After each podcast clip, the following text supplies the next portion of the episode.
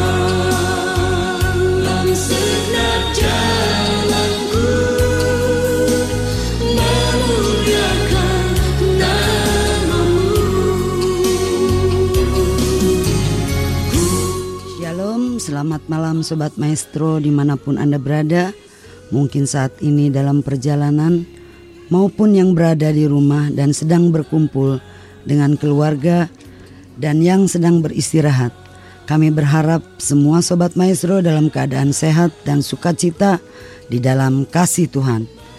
Sobat Maestro yang dikasihi Tuhan Dengan penuh sukacita dalam 50 menit ke depan Saya Nyonya Huta Soid Borujibu Tampu Bolon dan Reni Tambun bersama pembicara Bapak Pendeta Jonaren Purba dari Gereja HKBP Bandung Rio Marta Dinata akan menemani Sobat Maestro malam ini di dalam acara Renungan Simeon yang dilaksanakan oleh HKBP Bandung Reformanda.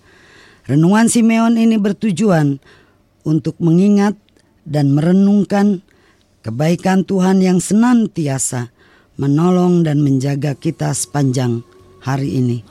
Dan melalui kebaikan dan kasih Tuhan, kita boleh memberikan kesaksian bagi semua orang sehingga nama Tuhan Yesus dimuliakan. Sobat Maestro, nats renungan kita hari ini adalah diambil dari kitab Roma 15 ayat 13 dengan topik Allah adalah sumber pengharapan yang akan dibawakan oleh Bapak Pendeta Jonaren Purba. Jika Sobat Maestro ada yang ingin bertanya mengenai topik renungan kita nanti maupun permintaan beban doa atas pergumulan yang sedang kita hadapi dapat disampaikan melalui WA dengan nomor 0813 4165 8319. Saya ulangi 0813 4165 8319. Sobat Maestro, sebelum kita memulai renungan kita, mari kita berdoa. Bapa di dalam nama Tuhan Yesus Kristus, kami bersyukur atas kasih penjagaanmu dan pertolonganmu bagi kami sepanjang hari ini. Engkau yang menjaga dan menolong kami dalam setiap pergumulan hidup kami. Ya Allah, kami mau merenungkan firman-Mu yang kudus. Kiranya roh kudus-Mu memberikan pengertian yang benar bagi kami. Biarlah melalui firman-Mu kami terus dikuatkan dan kami semakin mengasihi Tuhan. Terima kasih Bapa. Dalam Kristus kami berdoa. Amin. Sobat Maestro, Sebelum kita masuk ke dalam renungan firman Tuhan, marilah kita siapkan hati kita dengan mendengarkan lagu pujian Allah sumber kuatku.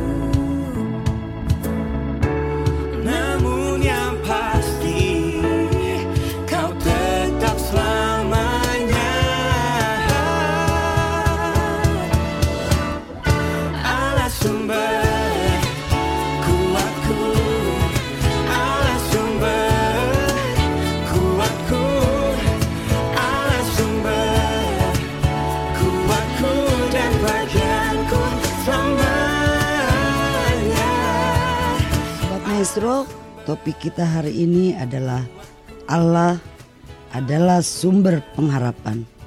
Diambil dari Nats Alkitab Roma 15 13 ayat 13 yang akan dibaca dan diurai oleh Amang Bapak Pendeta. Kami persilakan.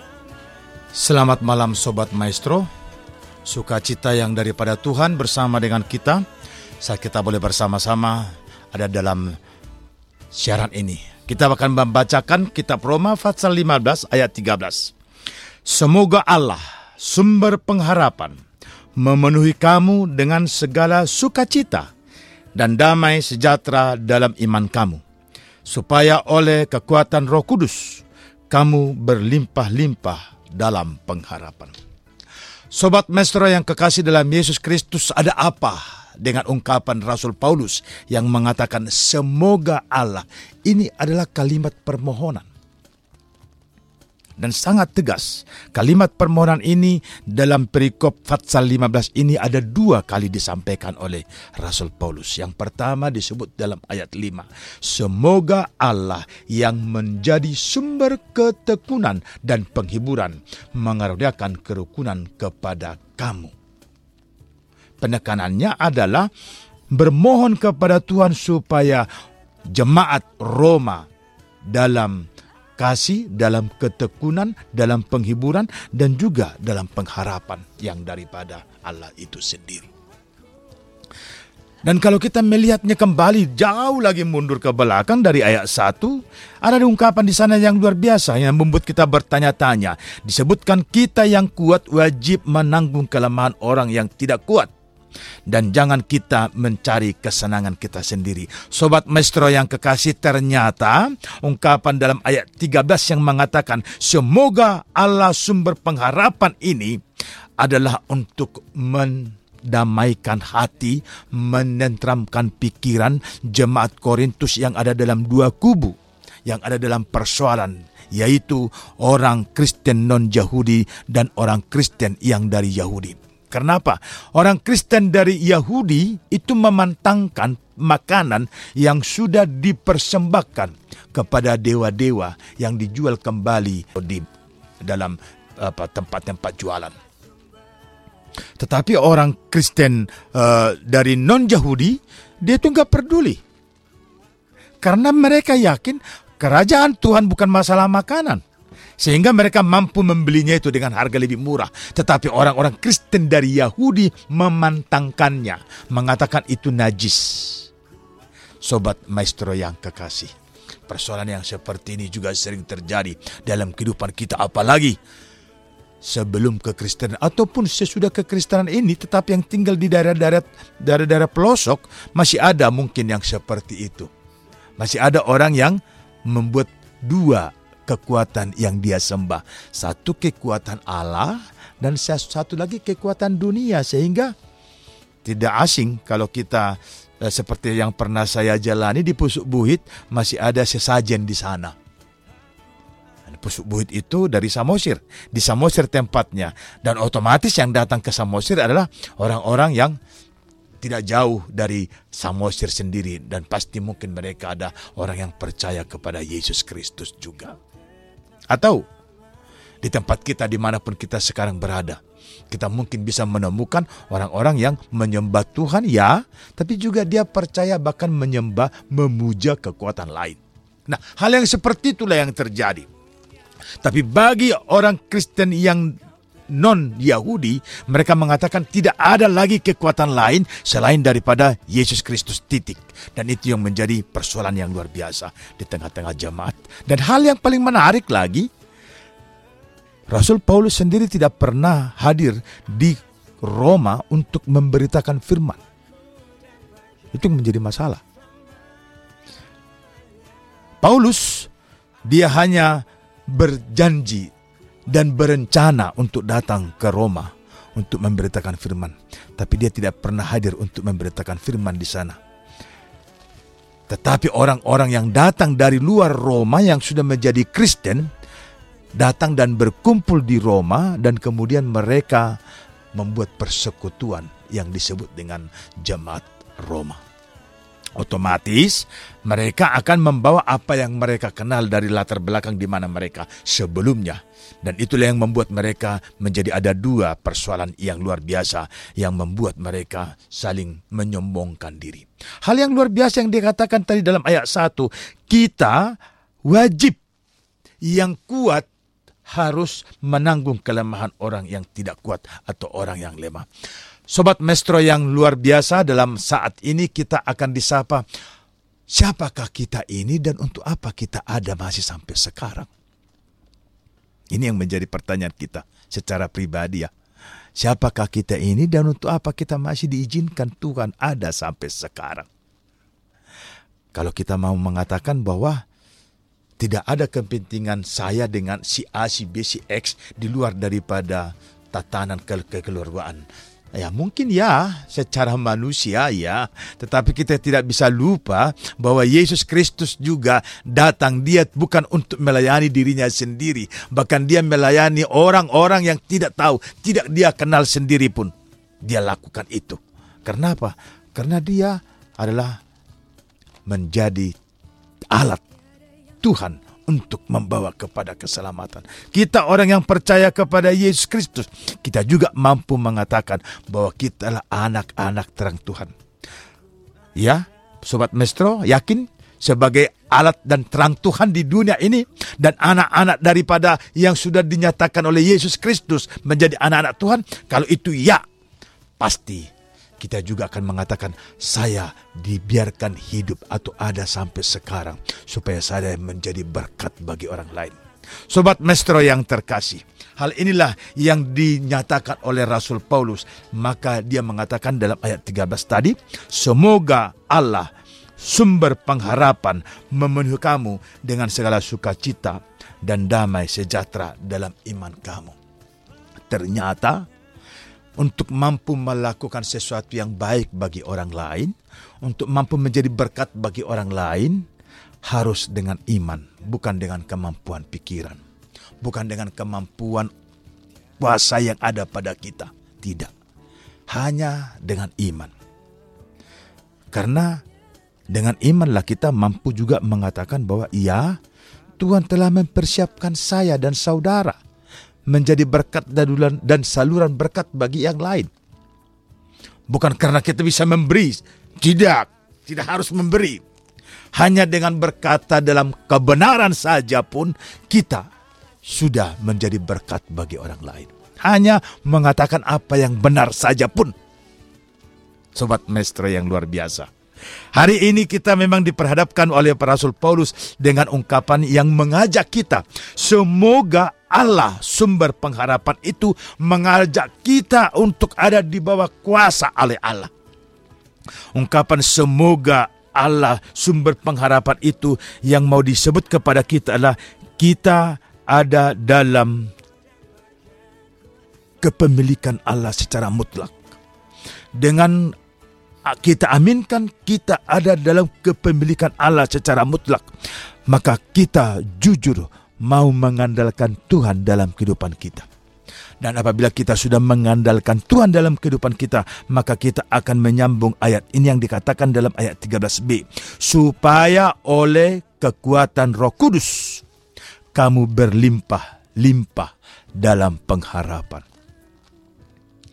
Sobat Maestro yang terkasih, kalau dikatakan supaya oleh kekuatan roh kudus, Galatia pasal 5 ayat 22 sudah sangat jelas menyatakan bagaimana karunia-karunia yang di oleh berikan oleh Roh Kudus dan bagaimana orang yang sudah ada di dalam kuasa Roh Kudus.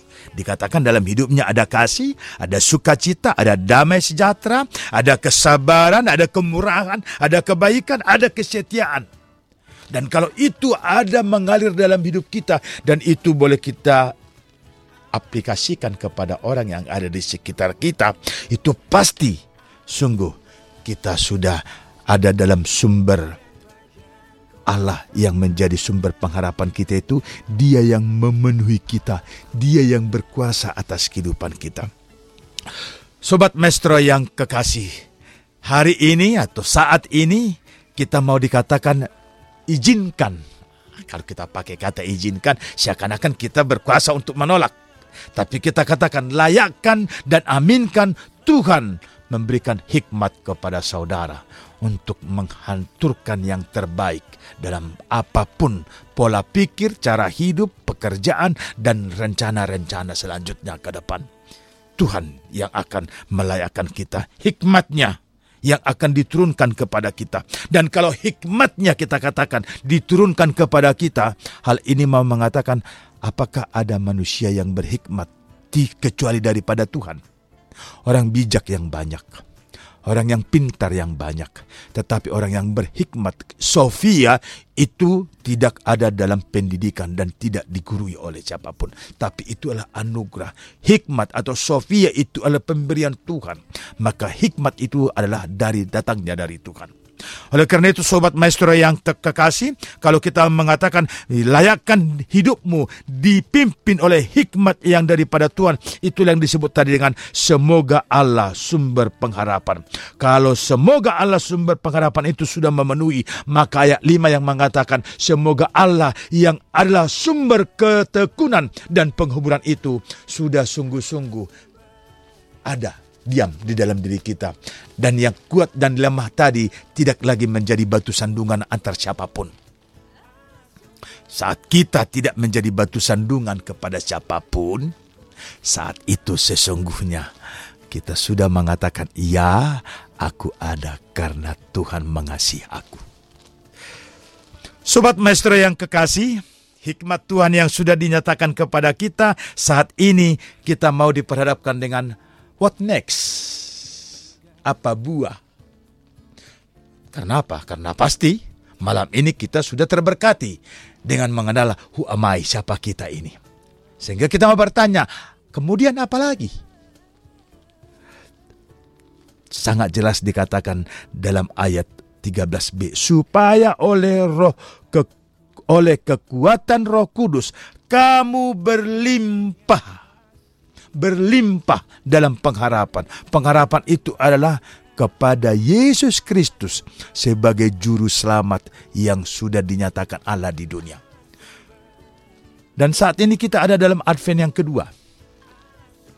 Kita ada dalam pengharapan tentang kedatangan Yesus Kristus yang kedua kalinya ke dunia ini. Tidak perlu kita jauh-jauh mengingat atau menunggu kedatangan Yesus yang kedua kali secara universal Kedatangan Yesus itu bisa secara pribadi-pribadi kepada setiap orang. Contohnya kepada saya, kalau dia datang kepada saya dan orang yang ada di sekitar saya bernyanyi, Lo asau, asalawau, tu Yesusku, tu nadau. Tetapi aku hanya tertidur dan melipat tangan, yang berangkat itu, yang luas au itu, yang lau itu saya yang bernyanyi hanya membuat nyanyiannya saja. Saya yang sudah berangkat itu berarti Yesus sudah datang kepada saya secara pribadi yang kedua kali dan dia akan meminta pertanggungjawaban hidup atas apa yang sudah saya lakukan selama ini. Oleh karena itu sobat maestro, dalam masa Natal atau Advent yang kita lakukan sekarang ini. Mengharapkan Yesus datang untuk yang kedua kali. Kita mau katakan dulu ya Tuhanku sebelum engkau datang untuk yang kedua kali layakkan aku untuk setia dalam kehidupan bersama dengan kebenaran firman-Mu. Sobat Maestro yang kekasih pengharapan yang melimpah dalam kehidupan kita itu akan menjadi berkat-berkat yang luar biasa, berkat rohani yang luar biasa. Oleh karena itu sama seperti Petrus katakan dalam kitab Roma pasal 1 ayat 16, dia yakin betul dan mengatakan seperti ini. Sebab aku mempunyai keyakinan yang kokoh dalam Injil karena Injil adalah kekuatan Allah yang menyelamatkan setiap orang yang percaya, pertama-tama orang Yahudi, tetapi juga orang Yunani. Saya dan saudara adalah kelompok non-Yahudi. Berarti saya dan saudara juga sudah ada di dalam kehidupan baru di dalam Tuhan Yesus Kristus. Kita sama seperti cabang pohon zaitun liar yang dicangkokkan pada pohon zaitun sejati. Kalau dalam bahasa Batak dikatakan hau jarak harangan, nah dilopokon tu hau jarak huta. Kita menjadi pohon zaitun sejati. Walaupun kita tadinya pohon zaitun liar, tetapi sudah dicangkokkan kepada pohon zaitun sejati. Bapak Ibu, saudara-saudara yang kekasih, teman-teman yang bersama-sama saat ini dalam eh, maestro yang kita banggakan ini, mari kita diajak semuanya. Tidak ada yang tidak diajak, semuanya kita diajak. Kita mau diajak untuk menjadi penyataan kerajaan Tuhan di dunia ini. Sebagaimana dua-dua yang kita naikkan, dua yang diajarkan Tuhan Yesus. Jadilah kehendakmu di bumi seperti di surga. Yang menyatakan itu jadi adalah setiap orang yang percaya. Otomatis saya dan saudara itu mempunyai tugas dan tanggung jawab untuk melakukan semuanya menjadi sukacita dan kemuliaan Allah Bapa. Amin. Terima kasih Bapak Pendeta. Sobat Maestro, sebelum kita masuk dalam tanya jawab, marilah kita mendengarkan sebuah lagu pujian Amazing Grace.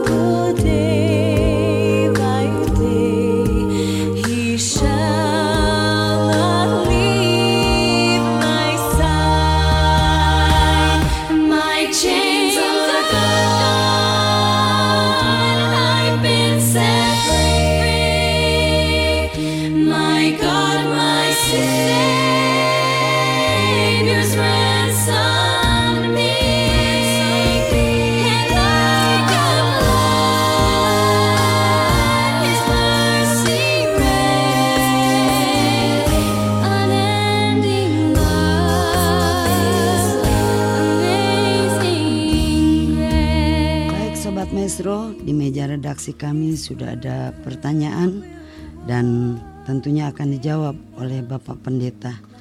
Ya jadi satu pertanyaan Bapak Pendeta, apa yang melatar belakangi Paulus menghimbau jemaat Roma dalam pengharapan kepada Tuhan? Karena tadi kami dengar sampai dua kali disebutkan. Ya, sahabat maestro yang kekasih, manusia sudah jatuh kepada ego, membenarkan diri. Saat manusia membenarkan dirinya sendiri, tidak ada lagi kebenaran yang hakiki ada padanya. Dan ini yang disesalkan oleh Rasul Paulus. Dan ini yang menjadi tantangan bagi siapa pun kalau kita mampu membenarkan diri kita, apa yang kita lakukan itu kita aminkan menjadi kebenaran yang sejati, ini bahaya. Kebenaran yang sejati hanya satu, yaitu Yesus Kristus. Karena dialah Allah yang telah menjadi manusia. Maka kalau kita mampu melakukan hal yang benar dan hal yang baik, maka kita harus bersyukur kalau kita Tuhan layakkan untuk hal itu. Jangan menjadi menyombongkan diri. Ini yang terjadi juga sekarang juga. Saat ini juga di zaman yang canggih ini juga. Kalau ada seseorang membenarkan dirinya atas apa pun itu, dia sudah jatuh kepada pencobaan. Bahasa Batak dikatakan talpe itu hamaguan. Bahaya ini. Bahaya. Saya yakin dan yakin dan percaya, sobat maestro, saudara-saudaraku yang kekasih, yang luar biasa, tidak mau menjadi batu sandungan bagi orang lain. Karena setiap orang yang membenarkan dirinya, dia sudah di tingkat awas menjadi batu sandungan kepada orang lain. Inilah yang dijaga oleh Rasul Paulus supaya manusia itu mampu melihat cara hidup yang benar di hadapan Tuhan. Oleh karena itu tadi dikatakan dalam ayat eh, saya baca lanjutan dari Roma pasal 1 ayat 17 saya baca sebab di dalamnya nyata kebenaran Allah yang bertolak dari iman dan memimpin kepada iman seperti ada tertulis orang benar akan hidup oleh iman.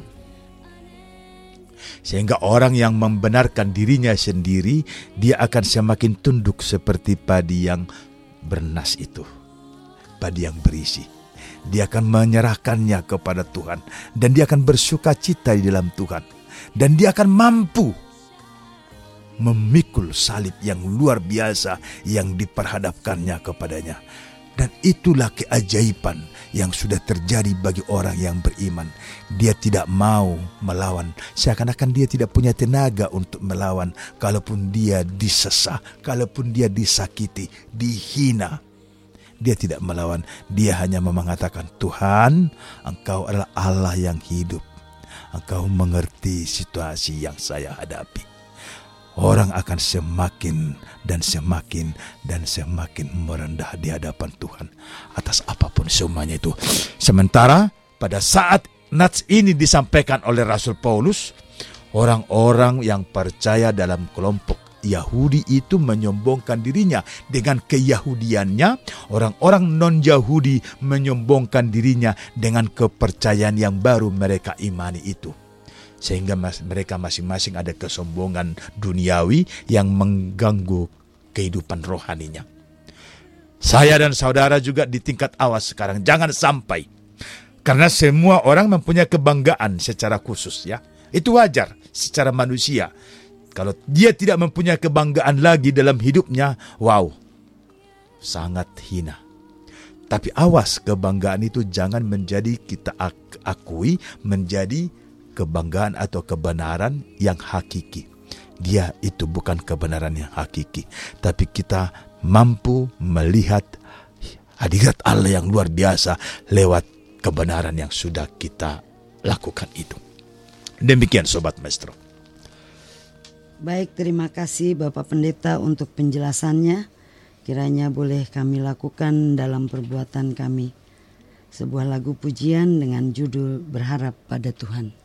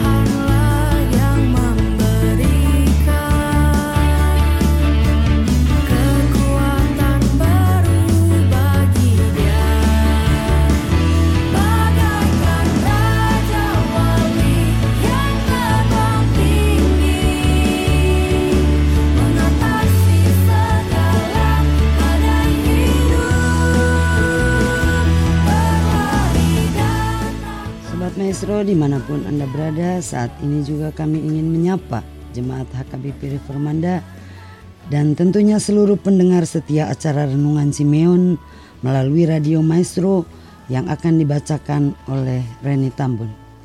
Baik, kami akan menyapa Sobat Maestro semua.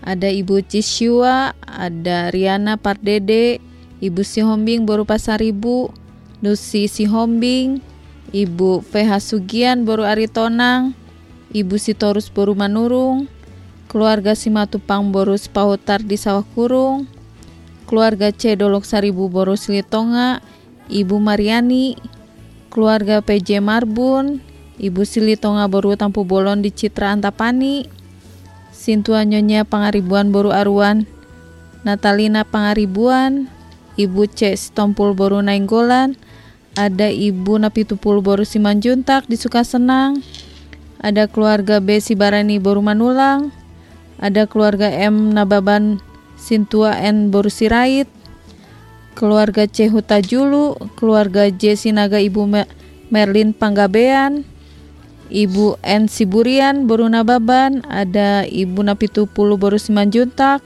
ada keluarga Napitupulu Boru Sidabutar, ada keluarga M. Manik Boru Silaban, Intan Manik, Juliana Marpaung, Kris Gultom, Riana Sihombing, Sintua Tiur Sihombing, ada keluarga E. Simanjuntak di Cimahi, ada keluarga Charles Panggabean Boru Simanjuntak, ada keluarga M. Sialoho Boru Purba, Veronica Sialoho, Sintua Natalia Sihaloho, Ibu Sinaga Boru Napitupulu, ada keluarga D Sinaga Boru Samosir, ada keluarga Ibu M. Gultom Boru Stompul, Vina Gultom, Siska Gul Gultom, ada keluarga P. Tobing Boru Stompul, ada Ibu Sianturi Boru Sihombing di Pleret, ada Ibu Katalina Boru Nababan, Ibu Adelina Boru Nababan, Ibu Silalahi Boru Manurung di Kancra, sahabat doa HKBP Bandung Reformanda,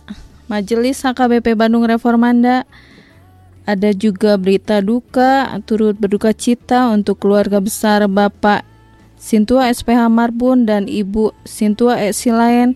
Kiranya Tuhan Yesus memberikan kekuatan dan penghiburan untuk semua keluarga.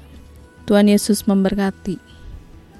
Terima kasih, tiba saatnya kita akan menaikkan doa syafaat kita kepada Tuhan yang akan dibawakan oleh Bapak Pendeta. Silakan Bapak. Sobat Maestro yang kekasih kita bersama dalam doa. Segala puji hormat bagimu Allah Bapa yang kami sembah dalam Yesus Kristus Tuhan. Karena kasihmu kami masih ada sebagaimana kami ada sekarang. Karena kasihmu engkau yang memberikan nafas kehidupan bagi kami, menggembalakan hari-hari kami, dan memampukan kami melewatinya menjadi sukacita bagi setiap orang dan puji-pujian bagi namamu saja. Dan karena kasihmu juga Bapa, kami boleh bersama-sama dalam persekutuan lewat Radio Maestro saat ini. Bapa, firman yang telah engkau nyatakan bagi kami, sungguh engkau mengharapkan kami untuk mampu setia sebagai anak-anak terang Tuhan di dunia ini. Dan kami hanya bersandar kepada Allah saja karena Allah adalah sumber pengharapan kami. Karena hanya Allah lah yang memberikan kami hidup. Dan kehidupan yang luar biasa kami jalani sekarang adalah anugerah daripadamu. Karena Yesus Kristus telah memenangkan kami dari mara bahaya, dari dosa, dari maut, dan dari kematian. Oleh karena itu kami yang hidup sekarang juga adalah hidup anugerah yang daripada Tuhan. Bapa, biarlah firman yang telah engkau taburkan bagi kami setiap orang. Sungguh mampu kami pakai itu menjadi suluh dalam kehidupan kami. Supaya kami dalam situasi apa pun yang kami hadapi, kami akan selalu mengatakan, ya layakkan kami Bapa sebagai anak-anak yang setia. Layakkan kami Bapa sebagai anak-anak yang selalu berpegang pada tanganmu. Layakkan kami Tuhan yang selalu dituntun oleh roh kudusmu. Dan layakkan kami Tuhan untuk menjadi sukacita dan berkat bagi setiap orang yang ada di sekitar kami. Bapa, Kami nyatakan sukacita yang Tuhan anugerahkan bagi kami ini. Kami mau pakai itu untuk menjadi saluran berkat kepada yang ada di sekitar kami. Dan sungguh gerejamu juga HKBP Reformanda akan menjadi berkat dan saluran berkat kepada setiap orang yang ada di sekitarnya, di kepada jemaat yang percaya kepadamu, juga kepada setiap orang yang sekalipun mereka belum percaya kepadamu. Karena kami yakin dan percaya Bapa, lewat gerejamu HKBP Reformanda, berkat-berkatmu akan tercurah. Bapa, kami berdoa untuk saudara-saudara kami yang ada dalam pemulihan di rumah maupun yang masih dalam kondisi opname di rumah sakit. Bapak SR Sibarani, Bapak D Pakpahan, Ibu Sintua A Pakpahan Boru Tampu Bolon, Ibu Panjaitan Boru Nadiak, Ibu Sibarani Boru Manulang, Ibu Tampu Bolon Boru Samosir, Ibu Sihombing Boru Pasaribu, Ibu Sinaga Boru Napitu Pulu, Bapak Sintua KM Panggabian, Bapak Dedi Hasugian yang baru selesai operasi usus buntu di Rumah Sakit Bromeus. Ibu Sintua Purba Borusi Bagariang yang masih dirawat di Rumah Sakit Baromeus. Ibu Cecilia Sihombing Borusilahi yang dirawat di Rumah Sakit Jakarta. Ibu Silaban Boru Manurung yang dirawat di Rumah Sakit TKI Bandung. Bapak Sintua SPH Marbun yang kondisi isoman dan yang masih berduka karena Tuhan telah menutup buku ibu istri yang tercinta dan juga telah kembali ke rumah Bapa di surga. Maka setiap orang yang dikasihi, setiap yang ditinggalkan keluarga, Engkau Tuhan yang memberikan penghiburan dan kekuatan kepadanya. Dan secara khusus juga kami berdoa untuk keluarga Nyonya Sintua Edison Silain. Karena hambamu Sintua Edison Silain telah berpulang ke rumah Bapa di surga. Yang saat ini engkau berikan satu gambaran kehidupan bagi kami bahwa kami bukan pemilik atas hidup yang kami jalani. Nafas hidup yang kami boleh pakai adalah anugerah daripada Tuhan. Dan apabila Tuhan telah menyatakannya berakhir, maka tidak ada seorang pun dari kami yang mampu menambahkannya. Demikian juga Bapa, hambamu, Sintua, Edison Silain telah berpulang kepadamu. Bapa, engkau yang memberikan kekuatan penghiburan kepada seluruh yang keluarga yang ditinggalkannya, istri dan anak-anak. Dan engkau Tuhan juga yang menjadi kekuatan bagi mereka. Bapa, kami juga berdoa secara khusus kepada keluarga Isunlingga Yeti Berhutahayan dan juga keluarga Irianto Ibu Rismawati di Soreang Bandung yang berharap kepada kasihmu. Engkau Tuhan yang menyatakan rumah tangga adalah engkau pemiliknya dan engkau yang memberkati rahim istri yang akan berharap anugerahmu hadir. Buah cinta kasih dalam rumah tangga kehadiran anak engkau akan nyatakan bagi keluarga Isilingga dan juga keluarga Irianto. Biarlah juga sukacita yang daripadamu Bapa boleh nyata atas hidup mereka. Kami juga berdoa Bapa untuk saudara-saudara kami yang mengalami bencana alam. Saudara-saudara kami di Cianjur, di Garut, juga di Sukabumi. Ada gempa, alam berbicara kepada kami kekuatan yang luar biasa. Yang memperlihatkan bahwa kami manusia tidak mempunyai kekuatan apa pun untuk menyelamatkan diri kami sendiri. Bapak, banyak keluarga yang berkabung banyak keluarga yang kehilangan rumahnya. Banyak ke keluarga yang kehilangan anggota keluarganya. Bapa, ke dalam tangan pengasihanmu kami berserah. Engkau yang menjadi kekuatan bagi mereka setiap orang. Engkau yang menghibur mereka. Dan Engkau Tuhan yang memampukan pemerintah kami. Dan juga tangan-tangan kasih yang akan menyentuh mereka. Memberikan bantuan dan pertolongan untuk melanjutkan kehidupan yang masih Tuhan sediakan bagi mereka. Kami yakin dan percaya Bapa, kasihmu juga mengalir kepada saudara-saudara kami yang ada di Cianjur, Sukabumi, dan juga Garut.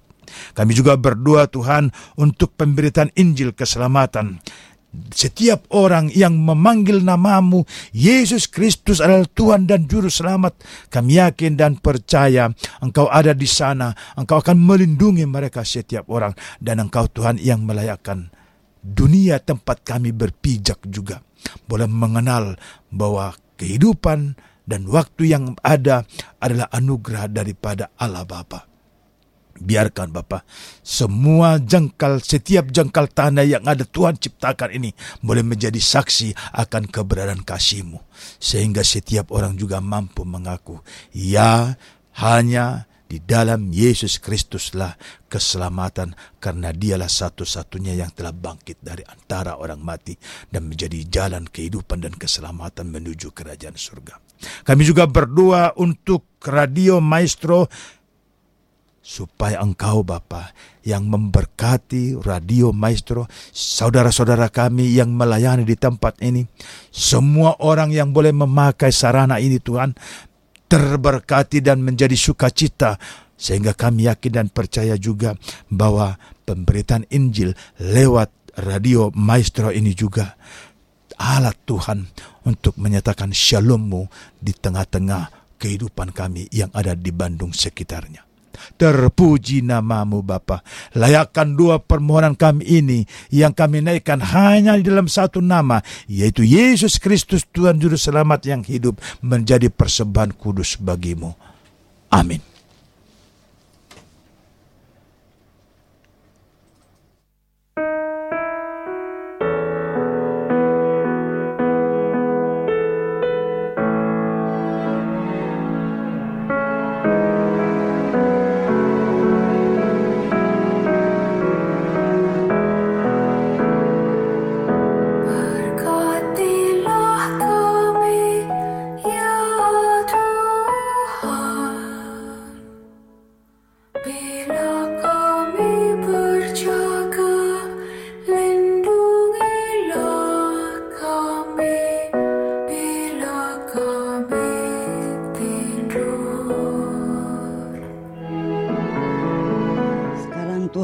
Biarkanlah hambamu ini pergi dengan damai sejahtera sesuai dengan firman-Mu sebab mataku telah melihat keselamatan yang daripadamu yang telah engkau sediakan di hadapan segala bangsa yaitu terang yang menjadi pernyataan bagi bangsa-bangsa lain dan menjadi kemuliaan bagi umatmu Israel.